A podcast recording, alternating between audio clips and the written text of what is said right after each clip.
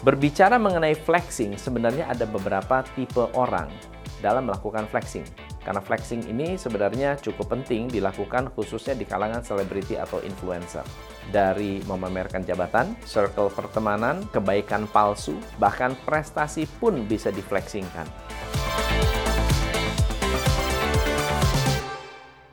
Kelinci adalah seekor binatang yang kita tahu lincah dan larinya kencang pada suatu hari karena kelinci merasa sangat-sangat confident, yakin banget dengan kecepatannya, kelinci ini mengajak seekor kura-kura untuk lomba lari. Karena dia tahu banget kura-kura berjalannya sangat-sangat lambat dan kelinci ini ingin menyombongkan keahliannya bahkan ingin menertawakan kura-kura karena lambat luar biasa cara berjalannya. Kura-kura mengatakan, kalau kamu minta ajak lari, okelah saya terima dengan rendah hati. Sambil ketawa, sang kura-kura mengatakan, hahaha, kelinci, kamu nggak usah sombong. Kalau gitu, kita coba deh. Siapa yang lebih cepat berlari nyampe di tujuan, kita mulai dari sekarang. Dan kelinci pun dengan senang hati menyetujui tantangan sang kura-kura. Tiba di hari perlombaan dan hari itu kelinci berlari dengan gesit meninggalkan kura-kura. Beberapa saat kelinci ini berbalik dan melihat posisi kura-kura. Namun ternyata kura-kura ini berjalan sangat-sangat jauh dan sangat-sangat lambat. Melihat hal ini, kelinci pun memilih untuk tidur di bawah pohon. Banyak lari, banyak berhenti, tidur. Namun ternyata kura-kura Walaupun berjalan perlahan, kura-kura bisa melewati kelinci yang tertidur pulas. Perlahan tapi pasti, kura-kura berhasil berjalan mendekati garis finish dan ternyata ketika kelinci terbangun, kelinci tidak bisa mengejar kura-kura ke garis finish. Usahanya sia-sia karena ternyata kura-kura berhasil memenangkan perlombaan. Ini adalah fable yang terkenal yang ditulis oleh Aesop, salah satu filsuf Yunani di abad pertengahan. Tahukah Anda, di dunia nyata ada perlombaan ini. Kelinci lawan kura-kura, ternyata benar-benar yang menang adalah kura-kura. Karena kelinci berlari sebentar, berhenti, istirahatnya juga lama. Apa pelajaran yang bisa kita ambil hari ini? Menurut Anda, Flexing itu apa? Menurut Cambridge Dictionary, flexing merupakan perilaku yang menunjukkan bahwa seseorang senang atau bangga atas keberhasilan yang dilakukan atau keahlian yang dimiliki atau benda yang dikuasai. Biasanya diekspresikan dengan cara yang menyebalkan bagi orang lain. Atau kalau kalian pernah mendengar, wow, murah banget Nah, tapi kalian tahu nggak sih, kenapa seseorang suka memamerkan kekayaan seperti kelinci? Menurut psikolog Indah Sundari Jayanti yang dikutip dari website zillion.com, menjelaskan bahwa perilaku flexing bisa muncul akibat kebutuhan akan eksistensi diri. Apalagi dengan hadirnya media sosial Selain itu, flexing juga bisa muncul akibat adanya ketakutan akan penolakan dari faktor kepribadian. Misalnya, kurang pede. Tapi perilaku ini nggak bisa langsung. Ujuk-ujuk dikaitkan dengan gangguan psikologis. Berbicara mengenai flexing, sebenarnya ada beberapa tipe orang dalam melakukan flexing. Karena flexing ini sebenarnya cukup penting dilakukan khususnya di kalangan selebriti atau influencer dari memamerkan jabatan, circle pertemanan, kebaikan palsu, bahkan prestasi pun bisa diflexingkan. Contohnya, Dwi Hartanto, seorang mahasiswa ngakunya lulusan University of Tokyo dan setelah lulus Dwi Hartanto melanjutkan pendidikan di Technische Universiteit Delft, Belanda, jurusan aeronautika. FYI, aeronautika merupakan jurusan yang mempelajari bidang keilmuan kedirgantaraan. Tahun 2009 nama Dwi Hartanto mulai dikenal diberitakan oleh media asal Indonesia atas informasi mengenai peluncuran nanosatelit di Belanda dengan nama Delphi N3XT.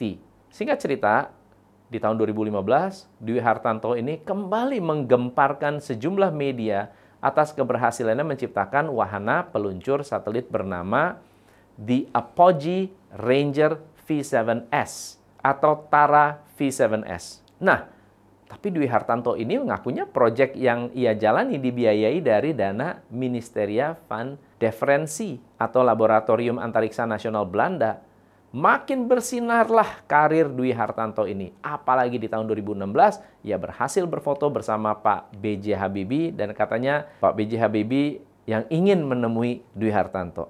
Bahkan ia mengakui bahwa dirinya adalah the next B.J. Habibie. Ah, siap!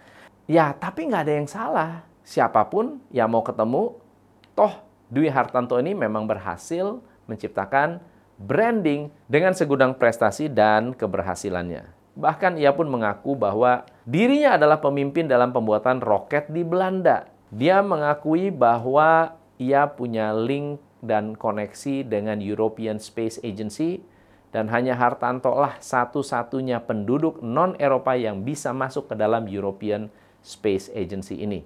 Ya, walaupun ternyata pada akhirnya terbongkar bahwa segudang prestasi Dwi Hartanto adalah flexing semata. Hahaha. Sayang, benar gak? Permainan cantik yang sudah diatur sedemikian rupa oleh Dwi Hartanto harus terhenti karena adanya pengakuan dari rekan-rekan Dwi Hartanto yang menyebutkan bahwa apa yang dilakukan atau dikatakan oleh Hartanto adalah pembohongan publik. Gila gak sih? Dengan prestasi palsu atau prestasi fake.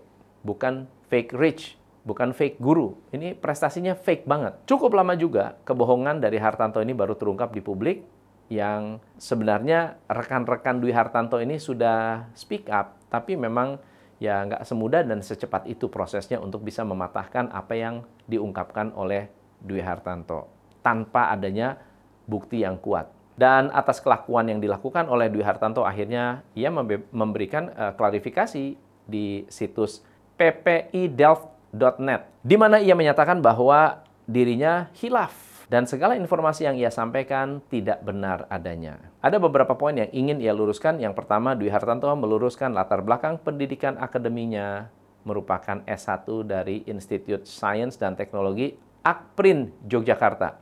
Fakultas Teknologi Industri Program Teknik Informatika dan bukanlah dari Tokyo atau di Belanda dan semua prestasi satelit dan seterusnya itu ternyata semua adalah tidak benar. Tapi memang beliau adalah mahasiswa di Delft. Tapi tentang peranannya di postdoktoral atau asisten profesor Dutu Delft tidak benar.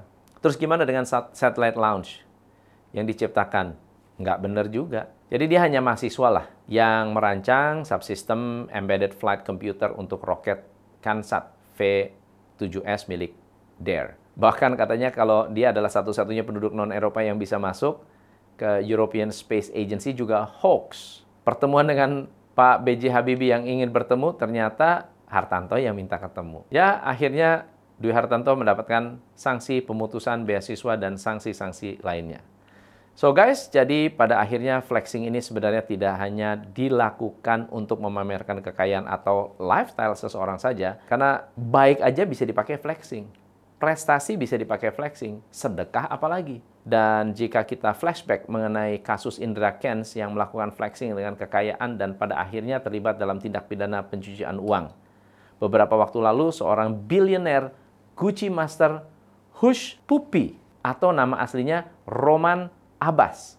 Seorang pria asal Nigeria yang mendapatkan julukan Yahoo Boy atau scammer asmara Julukan ini diambil dari layanan email gratis pertama yang masuk ke Nigeria. Menurut Dr. Adedeji Oyenuga, seorang ahli kejahatan cyber Universitas Negeri Laos yang dikutip dari kompas.com, menyebutkan bahwa kelompok ini punya ide untuk mencuri identitas orang lain. Lalu dengan identitas yang dicuri, mereka melakukan penipuan atau scamming. Nah, host puppy ini sebenarnya sudah dikenal sebagai penipu ulung di dunia FBI. Walaupun jika kita lihat di sosial media, Hush Puppy sering kali mengunggah foto-foto dengan mobil mewah, koleksi jam mewah, bahkan ada di jet pribadinya. Tapi ternyata ini semua hanya flexing sebagai alat marketing untuk menipu. Dan kekayaan yang didapatkan Hush Puppy ini melalui aksi penipuan dengan modus bisnis email compromise dengan meretas sebuah email dengan motif menjadi seorang korban dan meminta sejumlah uang. Nekatnya target sasaran yang dibidik pun nggak main-main. Law firm dari Amerika, Bank of Valletta, Malta, bahkan klub Liga Sepak Bola Inggris jadi korban dengan total kerugian 1,7 triliun. Sekarang, Puppy ditangkap sebagai pelaku penipuan dengan pencucian uang dengan hukuman 135 bulan atau 12 tahun penjara. Dengan denda sebesar 1,7 juta US dollar. Hmm, tipis-tipis ya sama si Anu akibat keseringan flexing, tapi ternyata modalnya dari uang panas dunia tipu-tipu. Hanya di